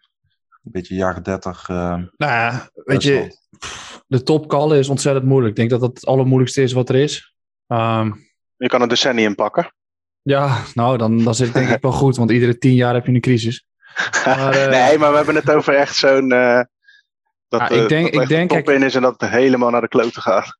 Kijk, het, zeg maar. Allereerst heb je corona. Nou goed, tijdens corona was het alleen maar crisis dit, crisis dat, de Great Reset. Nou, uiteindelijk gebeurt er nog steeds niet zo heel veel. Um, en ik denk dat we nu allemaal in een situatie gaan zitten waarbij mensen het niet meer over de crisis hebben, maar juist van het leven gaan genieten. En het dus niet echt meer doorhebben. Dus dan wordt het juist heel verraderlijk, want de crisis begint als niemand het door heeft. Mhm. En iedereen is nu een beetje van het leven aan het genieten. Wat op zich ook prima is, want dat moet je ook vooral doen. Nou, iedereen. Er zijn ook wel een hoop mensen die echt grote klappen hebben gekregen al hoor. Ja, zeker. Er zijn er, ik bedoel, om mij heen zie ik dat ook wel van mensen die mijn leeftijd zijn en die startend zijn en die uh, echt niet aan de bak komen of die gewoon hun baan kwijt zijn geraakt. Ja. Maar het punt is dat op het moment dat de overheid gaat zeggen over een maand of vier, ja, we stoppen in principe met het hele geld printen, uh, we gaan het niet meer doen. Um, je kan ongeveer zes tot negen maanden daarna kan je zeggen dat er een rekening gaat komen. Want dat is meestal de termijn die bedrijven en uh, partijen hebben op hun, uh, op hun hypotheek of op hun leningen. En dan, dan, dan kan je erop gaan rekenen dat het fout gaat. En als tweede, er is heel veel geld in de economie. Uh, maar er zijn ook ontiegelijk veel schulden in deze economie. Dus dat kun je in principe gewoon wegstrepen op een gegeven moment. Ja. Ja, ik sta er niet om, uh, word er niet blij van uh, wat dat betreft. Want dat, dat hoor ik ook wel eens van, ja, dan hoop je zeker dat, dat er een crisis uitbreekt en zo, omdat je bitcoin hebt. Maar bij mij is echt het tegenovergestelde van, ik wil dat echt zeg maar, ik, sta daar, ik wil dat niet. Maar met Bitcoin en eventueel wat andere dingen probeer je daar wel tegen te wapenen voor als dat gebeurt. Nou ja, kijk, weet je, Bitcoin is wat dat betreft wordt uitgedrukt in de dollar. Maar stel in de meest extreme vorm, uh, jouw woonhuis is een half miljoen waard nu en één Bitcoin is 50.000. Of nou ja, ook één Bitcoin is half miljoen en je woonhuis is een half miljoen. Ja. Stel die, uh, uh, die huizenmarkt klapt dermate heftig in elkaar en die gaat gedeeld door twee maar de bitcoin-waarde ook gedeeld door twee, dan kun je nog steeds dezelfde huis kopen. Dat is een beetje het punt. Ja. ja. En dat is waarom je je koopkracht kunt behouden met, met bitcoin. Dat, is natuurlijk niet op, uh, dat gaat niet op de dag precies. Um, nee, het is een langere termijn uh, trend maar, dat dan weer wel. Vind je dat ook de belangrijkste functie van, uh, van, van bitcoin? Sorry dat ik je interrupeer. Nou, het is een beetje, we kwamen in het begin over, uh, over het gesprek over inflatie. Kijk, ik denk dat de massa, of in ieder geval de grootste gedeelte van onze maatschappij, zich totaal niet bewust is van het feit hoe een financieel systeem werkt. En hoe een eigen financiële situatie ineens kan veranderen. En zich daar ook helemaal niet druk over maakt. En dat zijn de mensen die de meeste pijn gaan lijden van een eventuele crisis. Dus dat ja. is gewoon, dat is, de, dat is het neveneffect. Dat is gewoon niet fijn. Ja, dat zijn misschien mensen die zeggen: ik ga me niet wapenen. Zeg maar, ik laat het in cash staan, maar iemand verliest een baan. Of uh, hè, er is een scheiding. Of uh, er is bijvoorbeeld gewoon hoge ziektekosten ineens uit het niets. Uh, heb je het over, ja, over die groep? Of. of... ja, dat zeker. En ik denk ook dat, dat op het moment dat mensen nu starten zijn en een huis kopen, zij zijn degene die gaan bloeden. Uh, je, je, je bent vorig jaar ook uh, afgestudeerd, weet ik toevallig. Ja. Als je nu bijvoorbeeld met, uh, met, met, met je oud ja, klasgenoten, studenten praat, studiegenoten praat, hoe, hoe, hoe, staat dat erbij? Een beetje grosso modo? Nou, de meesten die zitten met tot hun nek toe in de schulden om een huis te kunnen kopen. Ja. Yep.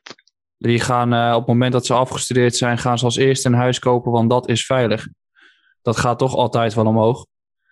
Uh, ja, maar als je met schulden zit uh, tijdens hyperinflatie, dan kan het misschien nog uh, redelijk voordelig voor je zijn. Maar als die, het deflationaire scenario zich uitspeelt, dan heb je Dan ben je echt lul.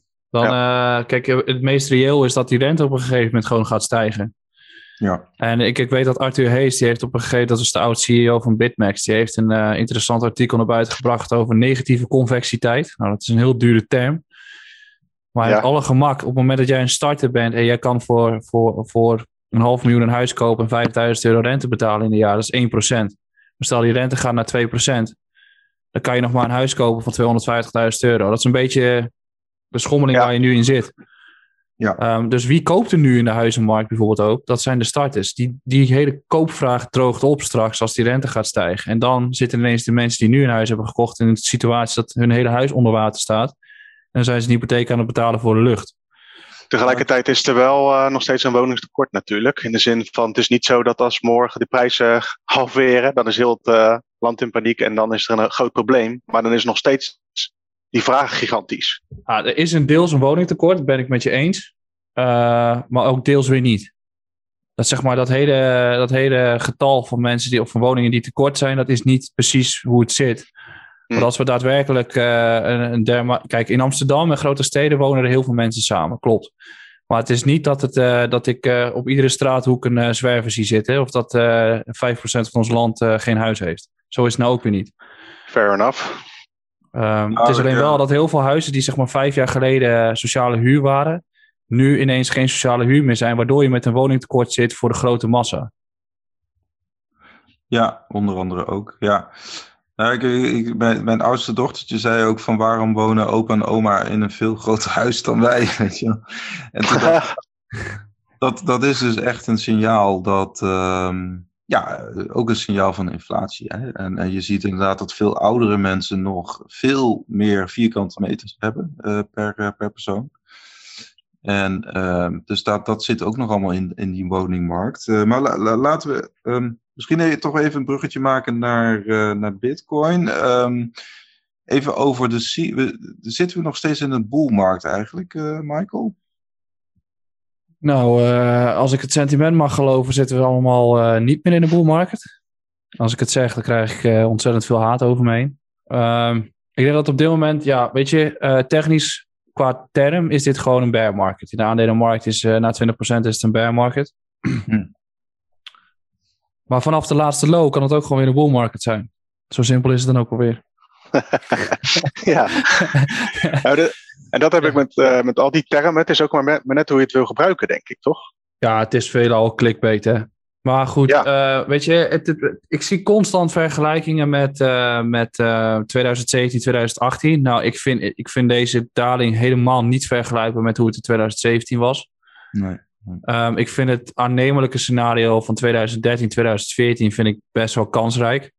En overigens trouwens, die hele cycle vanaf 2011 tot 2014 had telkens zulke harde klap omlaag. Daarna zijwaarts en dan ging die weer. Ja, dat is ook niet nieuw hè, voor Bitcoin. Maakt niet uit of je nou handelt of eh, af en toe wat koopt. Eh, nee. Dit soort dipjes heb je, dit soort dips moet ik zeggen, dipjes is eh, te klein denk ik. Heb je altijd gehad. Dit hoort er ook bij. Ja, en je hebt gewoon zoveel leveraged geld in deze markt zitten, waardoor die klap ineens nog een stuk harder is geweest. En ook daarom is de stijging ook zo hard geweest. Je moet je realiseren dat we wel gewoon keer zes in vier maanden zijn gegaan. Klopt. Dus dat we dan weer teruggaan is op zich niet zo heel erg. Waar we zitten, ja, ik, ik, ik heb het nog steeds het idee dat wij, zeker als je kijkt naar de fundamentele eh, groei van Bitcoin en ook gewoon de, adop- eh, de adoptie die steeds meer eh, groeit binnen crypto en binnen Bitcoin, de interesse, ehm, kan, ik, kan ik niet geloven dat wij nu in een bear market zitten. Is dat disbelief? I don't know. Maar, of denial? I don't know. Maar ehm, het lijkt mij niet aannemelijk dat wij, dat wij in deze cycle nu aan de top zitten. Ik denk juist dat we, Dan Healthy noemt het de supercycle. Ja, dat Ik klopt. vind dat het meest reële, scenario op dit moment. Ja, ik vraag me af, want eh, we dan, eh, pakken we even kort wat nieuwtjes erbij. Eh, PayPal laat eh, Bitcoin-transacties naar eigen wallet toe. Dat is, op de eerste instantie denk je, nou, PayPal deed toch al wat met Bitcoin. Maar dat is best groot nieuws. Want Bitcoin dat je kocht bij PayPal bleef in dat systeem. Mhm. En nu gaan ze werken aan een systeem dat je gewoon Bitcoin kunt opnemen, net als bij een andere broker en beurs, eh, naar je eigen wallet kunt laten sturen. En dat zijn allemaal voor mij in ieder geval altijd die tekenen van, eh, ondanks dat de prijs nu even in elkaar eh, knalt, dit soort dingen blijven gebeuren. dit geval is het PayPal, die weer een stukje toevoegt aan het ecosysteem van Bitcoin. Apple is op zoek naar uh, iemand uh, met ervaring met uh, alternatieve betaalsystemen. En dan is de logische stap van, nou, misschien gaan ze wel met Bitcoin en Apple Pay doen. En je ziet allerlei van die kleine, relatief kleine nieuwtjes die allemaal opstapelen naar dat het niet klaar is met de adoptie van Bitcoin in, bij dit soort instituten in ieder geval. En wat dat met de prijs gaat doen, is misschien wel afhankelijk van een paar tweetjes van Musk. Maar dit soort dingen zijn ook aan de hand. Ja, je, je hebt zeg maar twee verschillende dingen. Je hebt fundamenteel de groei, dat is dit. Nou ja, goed, dan is nog altijd de vraag hoe gaat Bitcoin dat qua schaalbaarheid doen natuurlijk. Lightning. Uh, ja, ja, of Taproot of al die dingen. Maar, dat is een uh, andere discussie. Laten we bij de markt dat, houden. Ja, maar dat is, dat, is, dat, is nog wel, dat is nog wel een knelpunt. Het tweede is, is dat je ook nog steeds het probleem krijgt dat, uh, dat het manipuleren, laten we het, laten we het manipuleren noemen. Het manipuleren van de markt wordt steeds makkelijker over termijn. Ja, nu, denk je makkelijker? Nu is het, nu, ja, nu is het nog, zitten we in een periode waarbij het relatief makkelijk is. Waarom zeg ik dat? Um, we hebben, wat is het, 18 miljoen bitcoins, waarvan er nou 4,5, 5 verdwenen zijn. En we hebben heel veel grote jongens die uh, bitcoin horen. Dus het aantal bitcoins dat men vasthoudt en niet wil gebruiken om te traden, wordt steeds groter. Waardoor de echte markt die verhandeld wordt steeds kleiner wordt. Ja, klopt. Dus dat Ja, betekent dat bijvoorbeeld bij, sorry hoor, maar met bijvoorbeeld, eh, eh, laten we eh, in kort een altcoin nemen, Matic. Dat, dat ding, Polygon nu, eh, daar was volgens mij 90% van gesteekt. Wat inhoudt dat de daadwerkelijk markt die verhandeld wordt op een exchange is misschien 5% van de hele supply. Dus als je een beetje centen hebt, kun je die markt heel makkelijk beïnvloeden. En dat concept is nu ook een beetje bij Bitcoin zo, aangezien die supply steeds kleiner is die verhandeld wordt. Zijn natuurlijk wel Ja, ja, dus aantallen, dus jij hè. zegt- Ja, ja, precies. Maar jij zegt dus van. eh, eh, als die Bitcoin niet op beurzen terechtkomt, of een- bij andere soorten eh, handelsplatformen, dan wordt het makkelijker voor de mensen die daar wel nog zitten met eventueel veel Bitcoin om eh, de koers een bepaalde douw te geven. Ja, ja, Omdat er dus meer opgenomen wordt. Ja, je hebt een illiquide markt, hè? dus eh, de, de markt raakt inderdaad illiquide. Volgens mij waar je op doelt, Michael, is ook die supply shock, toch? Hè? Ja, dat werkt twee, allebei de kanten op. Ja, ook omhoog. Want dat, zie je bij ook, eh, Coinbase, ja. Zuid-Korea.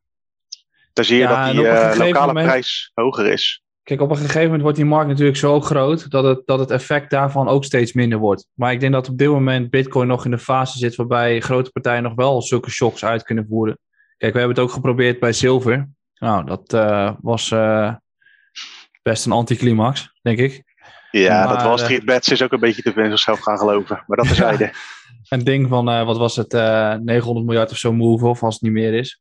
Eh, maar de, de, de markt daarin is gewoon veel groter en het is gewoon veel, veel moeilijker om die te bewegen. En ik denk dat de Bitcoin nu gewoon nog in die fase zit waarbij, stel je hebt eh, eh, 500 miljoen of een miljard, nou dan kan je echt die markt wel mee bewegen. eh, zo'n Even een toekomstperspectief van uh, of die, dat het illiquide is, omdat je ook te maken hebt met bijvoorbeeld zo'n uh, Binance en Coinbase, die heel veel van die Bitcoin dan ook op hun platform hebben. Uh, met Lightning bijvoorbeeld heb je nu dus uh, de mogelijkheid, beurzen doen dat nog niet door massaal, maar je kunt dus razendsnel Bitcoin tussen elkaar gaan sturen. Als dat soort bruggetjes gebouwd worden, dan kan dat zorgen voor meer liquiditeit, waardoor er op een grotere schaal soort van prijsstabiliteit kan zijn. Als die betalingen maar snel genoeg verwerkt kunnen worden. En daar zit nu bijvoorbeeld een probleempje, want bij Coinbase zie je gewoon dat die prijs soms 2.000, 3.000 euro of dollar hoger is dan in de rest van de wereld, omdat daar de vraag het grootste is. En Nou, met dat soort ontwikkelingen zou je dat misschien een beetje kunnen ondervangen, of niet? Nou ja, kijk, je, je moet je vooral vragen wat beweegt, afvragen wat beweegt de markt. En ik denk dat Mhm. ehm, bijvoorbeeld als er op een gegeven moment eh, steeds meer ETP's of ETF's gaan komen, waarbij eh, gevraagd wordt om Bitcoin in collateral te hebben, dus dat zij zelf Bitcoin aan moeten houden om een ETF te kunnen hebben. Ja. Eh, op het moment dat de volumes in die ETF steeds hoger gaan worden en ook steeds meer financiële instrumenten er gaan komen, dan wordt de markt niet per se meer bepaald door de spotmarkt zelf. Dus dan wordt het een steeds organische markt, omdat er steeds meer geld in bewogen is die gehandeld wordt op die asset zelf. En daar zit Bitcoin nog net voor. Dus Ja, dus jij kan zegt uh, dat, dat, dat die financiële producten gaan uiteindelijk voor meer stabiliteit zorgen. Ja, denk ik wel. Omdat ook uh, uh, in die ETF's en dergelijke zit zoveel liquiditeit in, waardoor je op een gegeven moment ook bij Forex zag, of bij, bij andere assets ziet, dat het gewoon stabieler begint te worden. Dus dat is Ehm, wat je ziet bij edelmetalen, hè? Bij, bij bijvoorbeeld eh, goud, zilver, denk ik. Ehm, Goud was in het begin ook heel volatiel. Ging ook alle kanten op. Totdat al die eh, instrumenten gingen komen dat er meer geld gemoeid was met de markt. Waardoor het gewoon steeds complexer werd om daadwerkelijk een impact te maken op de markt. Je had natuurlijk altijd outliers. Uh, maar ik denk dat die schokwaves die Bitcoin heeft steeds uh, minder gaan worden naar gelang de markt groeit. En ook naar gelang hoeveel meer financiële instrumenten er gaan komen. Want bijvoorbeeld nu krijgen we ze op de Amsterdam Stock Exchange krijgen we er een. Of Euronext, laten we het daarop houden. Die van, uh, van Eck bedoel je? Ja, en in ja. andere landen beginnen er steeds meer te komen. Dus daardoor wordt het al steeds meer organisch, als het ware. Want dan ja, wordt je ziet bijvoorbeeld uh, bij Grayscale, dat fonds, uh, grootste bitcoin fonds van de wereld, dat daar uh, soms die prijs van, per aandeel, per bitcoin zeg maar bij hun, die ligt een stuk lager dan de marktprijs van een bitcoin. Omdat er nu ook meer keuze is volgens mij tussen andere, allerlei andere beleggingsproducten. Dus daar gaat ook, daar wordt, er wordt ook een strijd gevochten. Ja, alleen het probleem is wel, kijk, het aantal bitcoins wat Grayscale ervan afhaalt, is uiteindelijk geen supply meer wat verhandeld wordt. Dus ja. je hebt nog steeds dat de markt wordt nu bepaald door de spotmarkt, denk ik, enigszins. In ieder geval die crash was dat zo. En op een gegeven moment wordt die steeds minder daardoor bepaald. En dan gaat het om meer om de financiële instrumenten die er omheen hangen. En dan krijg je gewoon meer geld die in, aan het handelen is op bitcoin. En dan krijg je gewoon stabiliteit. Ja, uh, dat is gewoon verjaring van die markt. De verhouding tussen fysieke en papieren bitcoin, dat... Dus je krijgt op de duur meer papieren bitcoin dan fysieke bitcoin, kun je zeggen. Nee, in principe wel, ja. Dat heb je nu al. Ja, ja en dan uh, bijvoorbeeld zo'n bitcoin, voor mij, zo'n bitcoin in een grayscale fonds is minder waard dan een bitcoin uh, veilig in cold storage opgeslagen. Dat is ook ja. het gekke dynamiek. Want met bitcoin dat je zelf hebt opgeslagen of ergens anders ligt opgeslagen, kun je meer dan uh, waar die vast staat in een fonds. Dus je krijgt ook misschien wel een soort van andere prijsontwikkelingen tussen uh, bitcoin die gewoon vrij verhandelbaar zijn en bitcoin die opgesloten zit in een fonds aan allerlei contracten. Uh, dat heb je toch ook in, uh, in een uh, besloten markt gehad in Zimbabwe, toch? In 2017, ja. 2018. Er was een premium op, premium op van 20% of zo. Ja. Ja. ja, weet je, je krijgt allemaal onderlinge markten daarin. En inderdaad, als jij een bitcoin zelf hebt, dan vertegenwoordigt dat een andere waarde dan wanneer het in een fonds zit. En het ja. enige nadeel wat we wel gaan krijgen is dat we letterlijk het financiële systeem wat we hebben gehad en waar we niet voorstander van zijn aan het kopiëren zijn met al die financiële instrumenten. Yep. En dan zijn we weer papieren waarde aan het creëren, omdat dat de manier is hoe we kunnen handelen in die dingen. Terwijl het best wel makkelijk te versturen is, aangezien dat gewoon bitcoin en crypto is. Maar goed, dat is tenminste waar we in leven, helaas. Dat is de volgende stap. Kijk, uiteindelijk gaat, uh, moet ook nog blijken of die oude financiële systeem of oude financiële producten over 10, 20 jaar ook nog relevant zijn voor bitcoin. Dat moeten we ook allemaal nog maar zien. Ja, maar binnen crypto zijn we nu toch ook al bezig met het feit dat jij, uh, dat jij je eigen bitcoin als collateral kan dienen bij een lening die je kan vervolgens kan steken, of niet? Dat ja, je kan allerlei allemaal, uh, spul doen. En dat zijn allemaal nog uh, Want hoe experimentele fase. Hoe zie jij dat, Michael, inderdaad? Want ik, ik, ik denk dat ne Nederlandse banken, die gaan dat denk ik toch op de duur ook uh, overnemen. Dat, dat, dat jij bijvoorbeeld uh, je bitcoin uh, kan stallen bij een bank en dat je bijvoorbeeld korting krijgt op je hypotheek of korting op je... Op ja, maar je... kan je dat ook 24-7 eraf halen? Waarschijnlijk niet. Nee. Ik denk dat je sowieso als jij bitcoin koopt en je gaat volgens stallen bij je, bij je rekening, dan... nou goed, ga ik niet afmaken die zin. Maar uh, dat zou ik redelijk gek vinden. Maar... Dan ben je niet goed wijs, wilde je zeggen? nou, niet, ik, ik, ik, weet niet eens wat ik wilde zeggen, maar goed. Nee, maar je uh, ziet toch een opkomst in, uh, in gewoon lending, lending en borrowing services. Ja, maar dit is toch letterlijk wat de banken altijd gedaan hebben. Alleen nu is het, nu pakken wij, pakt zeg maar de third party niet meer het geld, maar doen we zelf. Dus ja, bank, banken gaan er op een gegeven moment natuurlijk wel ideeën voor verzinnen hoe ze dat het beste kunnen doen. Maar misschien wordt de infrastructuur of de structuur van een bank wel gewoon anders. Uh, misschien zijn zij wel outdated en gaat het wel op een andere manier verder. Uh, zo, ja. zo werken markten ook gewoon. Ja, dat wordt ook een interessante strijd hoor. Want ik, uh, ik voor, kijk, het wordt nu gezien als kip met de gouden eieren van een bitcoin fonds en zo. Maar daar gaan ook dingen fout en dan gaan ook mensen aan kapot waarschijnlijk. Zeker als dus die prijsontwikkeling heel anders is bij een fonds dan bij gewoon een bitcoin.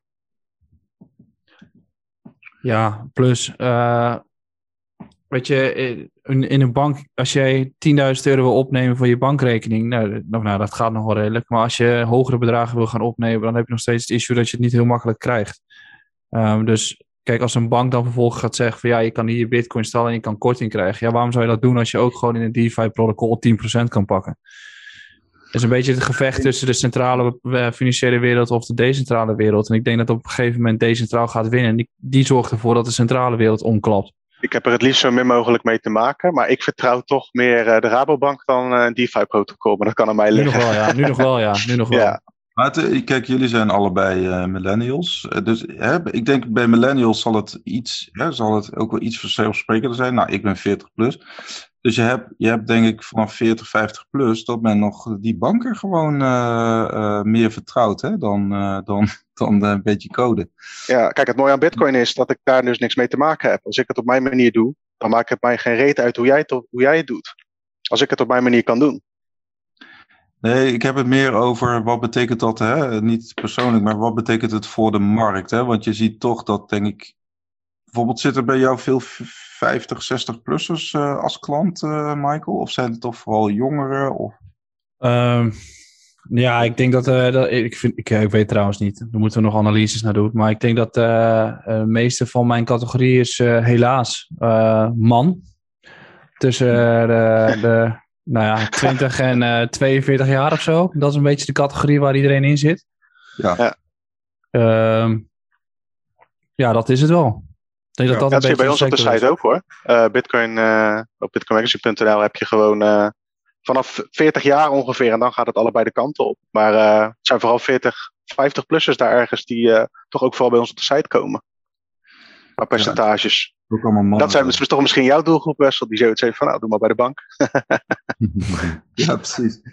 Um, even kijken, ja, ik, uh, wat, uh, ja wat, gaan we, wat gaan we Michael nog vragen eigenlijk? Oh ja, waar, we, waar ik wel persoonlijk, hoe ga je bijvoorbeeld om met inderdaad, um, ja, gewoon dat, het, bullygedrag op Twitter. Hè? Het, het, is toch echt wel een uh, behoorlijk. Uh, ja, Robin en ik hebben er eigenlijk niet, niet mee te maken, want wij zijn relatief uh, anoniem. Maar, ja, bij ons is het hoofdpersoon Bitcoin. En bij jou, Michael, ben jij een beetje de hoofdpersoon op socials. Wat dat betreft waren die mondkapjes wel chill. ja. ja. Nou, ik, uh, ik moet zeggen dat ik daar nog steeds wel echt moeite mee heb met, uh, met het gedrag en hoe snel dat verandert op social media. Zeker ook omdat de eerste keer dat ik ermee te maken kreeg was die bear market in 2018. Dat was op zich al wel pittig om daar af en toe mee te maken te hebben. Ja. En nu is het niet zozeer dat het gebeurt, maar is het op alle niveaus. Dus het is ook binnen je vriendengroep krijg je ineens vragen erover. Ook binnen, ook gewoon ja. buiten. Als ik buiten loop nu, word ik herkend. En dat, heb ik, dat is volledig nieuw voor mij. Dat mensen me aan gaan spreken over de markt. En ook het volume van het aantal vragen. Het is niet, uh, niet drie berichten meer, maar het zijn er gelijk 400. Maar op straat word je ook, heb je een voorbeeld ervan? Dat je naar de Albert Heijn loopt uh, met je, en dat je gewoon uh, aangesproken wordt? ja, dat, zo gaat het iedere dag. Iedere dag? Ja joh. Ja, ik, als ik hier in Amsterdam op het... gisteren zat ik toevallig aan, aan het water. En dan, uh, dan word ik aangesproken van, hey, Crypto Michael. Of dan uh, heb ik weer drie DM's binnen op Instagram die zeggen, hey, ik zag je zitten, man. Uh, zag je en hoe uit. is het in het echt? Is het dan wel veel positieve interacties? Of word je dan ook voor rot ja, nee, nee, nee, nee, nee. Mensen die, die gaan niet in het echtje. In het echt is mensen, zijn mensen amicaler en gewoon gezelliger tegen je. Dus dat is ja. helemaal prima. Ja, wat ik bedoel, jij hebt ook, dat hebben we ook op een gegeven moment discussie gehad bij ons in de Telegram groep. Dan heb je er ook uitgeflikkerd. je kan zelf ook wel... Je... Wat Weet je, kijk, uh, kijk, ik ben zelf daar natuurlijk ook wel redelijk agressief in. Uh, ja. Of geweest tenminste. En nu met het bedrijf dat we aan het groeien zijn, zal ik ook wat, uh, wat, wat, wat rustiger daarin gaan worden. Mm. Kijk, maar je moet je ook realiseren dat voor mij verandert ook letterlijk alles in mijn leven. Dus ik kan ook niet. Ik, ik merk nu het afgelopen weekend voor het eerst dat ik echt eventjes weer op de grond sta en weet van oké, okay, dit is er allemaal gebeurd de laatste maanden. Het is echt veel geweest en nu sta je gewoon weer hier. Ik word soms gewoon vijf dagen lang geleefd. En dan kan je niet stilstaan bij wat er gebeurt. En dan gaat het soms ook wel fout. Ik ben ook gewoon een mens. En dan maak ik ook wel eens foutjes. En dan klap ik er ook wel eens uit. Ja, ja wij hebben best wel vaak die discussie van... Uh, of we zelf wat prominenter op Twitter en zo willen zijn. Maar ik vind het wel best wel moeilijk. In de zin van... Uh, ja, je wordt toch een target. ja, ik denk dat ik uh, al wel vaker het idee heb dat ik het eigenlijk niet wil. Maar aan de andere kant denk ik... Het is ook wel weer heel tof om dit te doen en het geeft me heel veel kansen. Dus dat, zolang dat nog speelt, vind ik het prima. Ja, nou, het, het heeft inderdaad. Kijk, net zo positief zijn. toch? Ja, het, het heeft heel veel positieve kanten. Je kan heel veel hele toffe dingen doen die je anders nooit had gedaan. Het geeft je ook een podium waar je iets tofs mee kan gaan doen. En dat is ook precies wat ik wilde. Uh, maar aan de andere kant realiseer je wel dat je bepaalde dingen niet meer kan doen zoals je ze vroeger altijd deed. Dus op het moment dat ik naar buiten loop, sta ik aan. Dan is het gewoon anders. eh, hoe, hoe, eh, ja, goed, eh, hoe ontspan je? Kijk, eh, ik bedoel, eh, iedereen heeft natuurlijk wel gewoon werkdruk en zo. En eh, ik bedoel, ik ga, ik, ik dip in een, eh, in een koud kanaal en dan ontspan ik op die manier. Oh ja, mafkees. Maar hoe, hoe doe jij dat? Eh, Ja, dat heb ik de laatste tijd te weinig gedaan, omdat ik zo druk aan het werk was. Maar ik denk dat nu. eh, kijk, hoe wij het bedrijf gewoon aan het opbouwen zijn, word ik uiteindelijk gewoon een soort eh Raoul Paul in Nederland. Als in, hoop ik. Maar dan is het meer dat ik gewoon het gezicht ben en op social media en eh, dit soort dingen doe. En Die krijgt pas veel shit over zich heen trouwens. Al dan niet Ja, terecht. nu helemaal volgens mij, met al die eh, altcoins die die, li- die liep te verkopen laatst. Ja, dat is wel een gevaar, hè? Ja, dat hoort erbij. Maar kijk, ehm, zolang het bedrijf gewoon loopt en ik daar rust in heb en niet verschillende petten op hoef te hebben, dan valt het ook wel te handelen. Maar op het moment dat jij en social media hebt en je eigen financiële situatie en die van de mensen om je heen en een bedrijf die je aan het runnen bent met eh, meer dan duizend leden, Moet je Dan, keuzes eh, maken. ja, maar dan, dan gaat het gewoon af en toe even fout. En dat het moet wel goed fijn gebouwd worden. Dat je een, een groot team om je heen hebt. Dat is toch wel een verschil met vier jaar geleden. Dus dan heb je toch wel een behoorlijke groei eh, meegemaakt. Ja, alleen die groei, zeg maar, eh, de groei van ons team is in de laatste maanden ook gebeurd. En we hadden dat eigenlijk eerder moeten doen. Dus de Ja. inflow die wij kregen, dat zag je ook dus bij, dat bespraken we eerst bij Amdax en eh, Iconic. Die, die kon het gewoon niet aan. Wij konden het ook niet aan. En dan ben je gewoon de hele tijd boven je limiet aan het werk. En als er dan weer wat bij komt van eh, social media, of dan komt er weer dit bij of weer dat bij, dan, moet je, dan ben je gewoon eh 14, 15 uur op een dag aan het rammen. En dat 6, 7 dagen in de week voor eh pakken bij drie maanden. Ja, op een gegeven moment gaat dat ook een keer knagen aan je. Ja. Ja, dan kun je nog een foto maken van, eh, van die lieve katten bij je thuis. Ja. Ja, dat is ook goed om te de-stressen met de katkroelen. Ja, maar je merkt dat je lichaam dan ook niet tot rust komt, omdat je gewoon nog zo aanstaat. Dus eh, daar moet je gewoon een balans in zien te vinden. En ik denk dat dat eh, ook met social media zo'n ding is. Ik denk dat als je bijna alle influencers het vraagt, dan is het gewoon eh, het uitzetten van social media is fantastisch daarin. Ja, doe je dat? Ja, ik zet gewoon mijn tweets klaar en dan ben ik weg. Dus op zaterdagavond maak ik meestal mijn tweets voor zondag of op zondagmorgen en daarna ben ik gewoon weg. En op een hoe groter ik word, hoe minder ik hoef te tweeten. Dus dat is op zich ook wel weer een voordeel. Nou ja, wat je, wat je wel, denk ik, slim, misschien bewust of onbewust hebt gedaan, is dat je wel gelijk eh, in het Engels bent gegaan. Hè? Ook, ook eh, later met je, met je YouTube-kanaal. Eh, wat, ja, hoe, hoe kijk je daar nu op, op, op terug, op die stap? Was dat destijds al een strategie? Of... Nou, ik wilde dat in het Engels destijds doen, want ik dacht dat dat is de markt. En alles wat ik las was ook in het Engels. En ik vind, eh, ik moet heel eerlijk zeggen, ik vind de Nederlandse crypto community meestal ook gewoon een van de meest toxic communities die er is. Oh ja, joh. Ja, ik vind, eh, het ligt er wel een beetje aan waar je Ah, bij dan moet je je-. Moet je een beetje gezellig eh, in de Bitcoin community Ah, staan. ik Daar zit sowieso- Altijd hartstikke gezellig. Ja, ik zit sowieso bijna nooit meer in die Telegram chats. Ik heb er geen tijd voor, joh. Nou, je moet Maar, ook kijken wat, je, wat er te winnen valt. Hè? Kijk, als jij geen plezier haalt aan het uit- even lekker chatten op Telegram, dan moet je het gewoon even niet doen. Zo simpel is het. Nee, plus ik heb gewoon mijn eigen groep waar ik lekker eh, actief in rondhang. En op het moment, kijk, ik ben de hele dag al bezig met social media en, eh, en charts en mijn eigen groep. Ja. Dan, dan wil ik gewoon s'avonds uh, wil ik gewoon in de sportschool hangen of bier drinken of Ah, film kijken of zo, weet je wel. Of naar Ajax, ja. Maar dat is ook al anderhalf jaar geleden. Maar dat doe je ook niet voor je plezier. Maar dat zal ook wel aan mij liggen. Ieder zijn keuze, hè. Laten, laten we positief eindigen. maar ehm, nee, eh, ja, nee, fascinerend, fascinerend. Ja, wat dat betreft hebben wij het eh, wel, eh, denk ik, een stukje makkelijker toch wel. Ja, misschien wel. Ja, bij ons heb je gewoon, weet je, het merk bitcoinmagazine.nl zit een soort van tussen ons in met de lezers. Er is iets Ja. minder interactie van persoon tot persoon. En voor mij werkt dat perfect. Ik, weet dat? Qua bereik ben ik natuurlijk wel jaloers op eh, zoveel volgers en eh, allerlei zooi. Maar niet qua wat voor effect het zou kunnen hebben. Want ik hecht wel echt waarde aan eh, even lekker eh, naar buiten kunnen anoniem. Ja, maar goed, dit is ook een fase waar je gewoon aan, voor mezelf vaak aan moet wennen. Ik bedoel, Ja, Kijk, als Uh, je ik het praat goed... daar met, bijvoorbeeld met Kjeld Nuis praat ik hier wel eens over. Met andere, andere Oh ja. relatief bekende mensen. En dan, daar leer ik ook heel veel van. Hm. Maar je moet je, ik, nogmaals, zes maanden geleden, uh, of nou ja, acht maanden geleden, woon ik uh, in een studentenhuis en uh, had ik een hele andere auto. Had ik een bedrijfje in mijn eentje, 60.000 volgers en niemand die, die, die me herkende. En nu, acht maanden verder, heb ik nou ja, acht man in dienst en nog zeven parttime. Ehm, en woon ik in mijn eigen appartementje, is alles veranderd. Dus dat gaat ook gewoon heel snel. Ja, nou, dan, dan kan je, uh, niet misschien de tijd om een beetje uh, plekje te geven en Laten we het uh, hopen. door te knallen. Maar als, ik, eh, als Bitcoin weer een keer naar 45k tikt, dan gaan we weer met z'n allen, denk ik.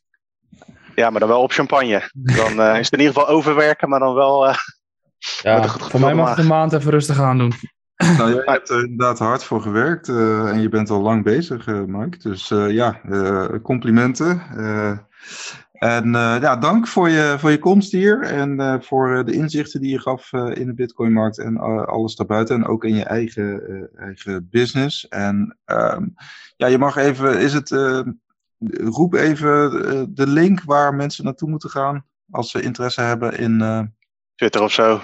Ja, je gaat dus naar Twitter en dan typ je in crypto.nl. Nee, geintje. Um, crypto Michael heet ik op YouTube. Die ken ik wel, ja. ja, ja Doe nog maar een keer. ook. Nee, uh, Crypto Michael op, uh, op uh, YouTube en op Twitter en op Instagram ook.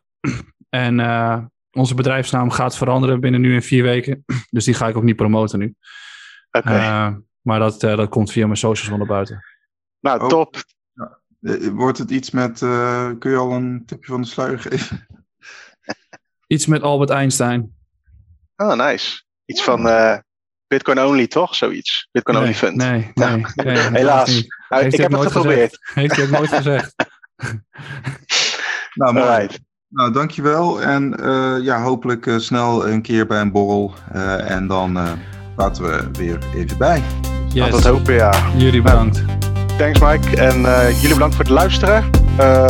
voor het laatste nieuws voor Bitcoin, bitcoinmagazine.nl uiteraard. Ook te vinden op alle socials. En vergeet de podcast niet te liken en dat soort dingen als je op een platform zet waar dat kan.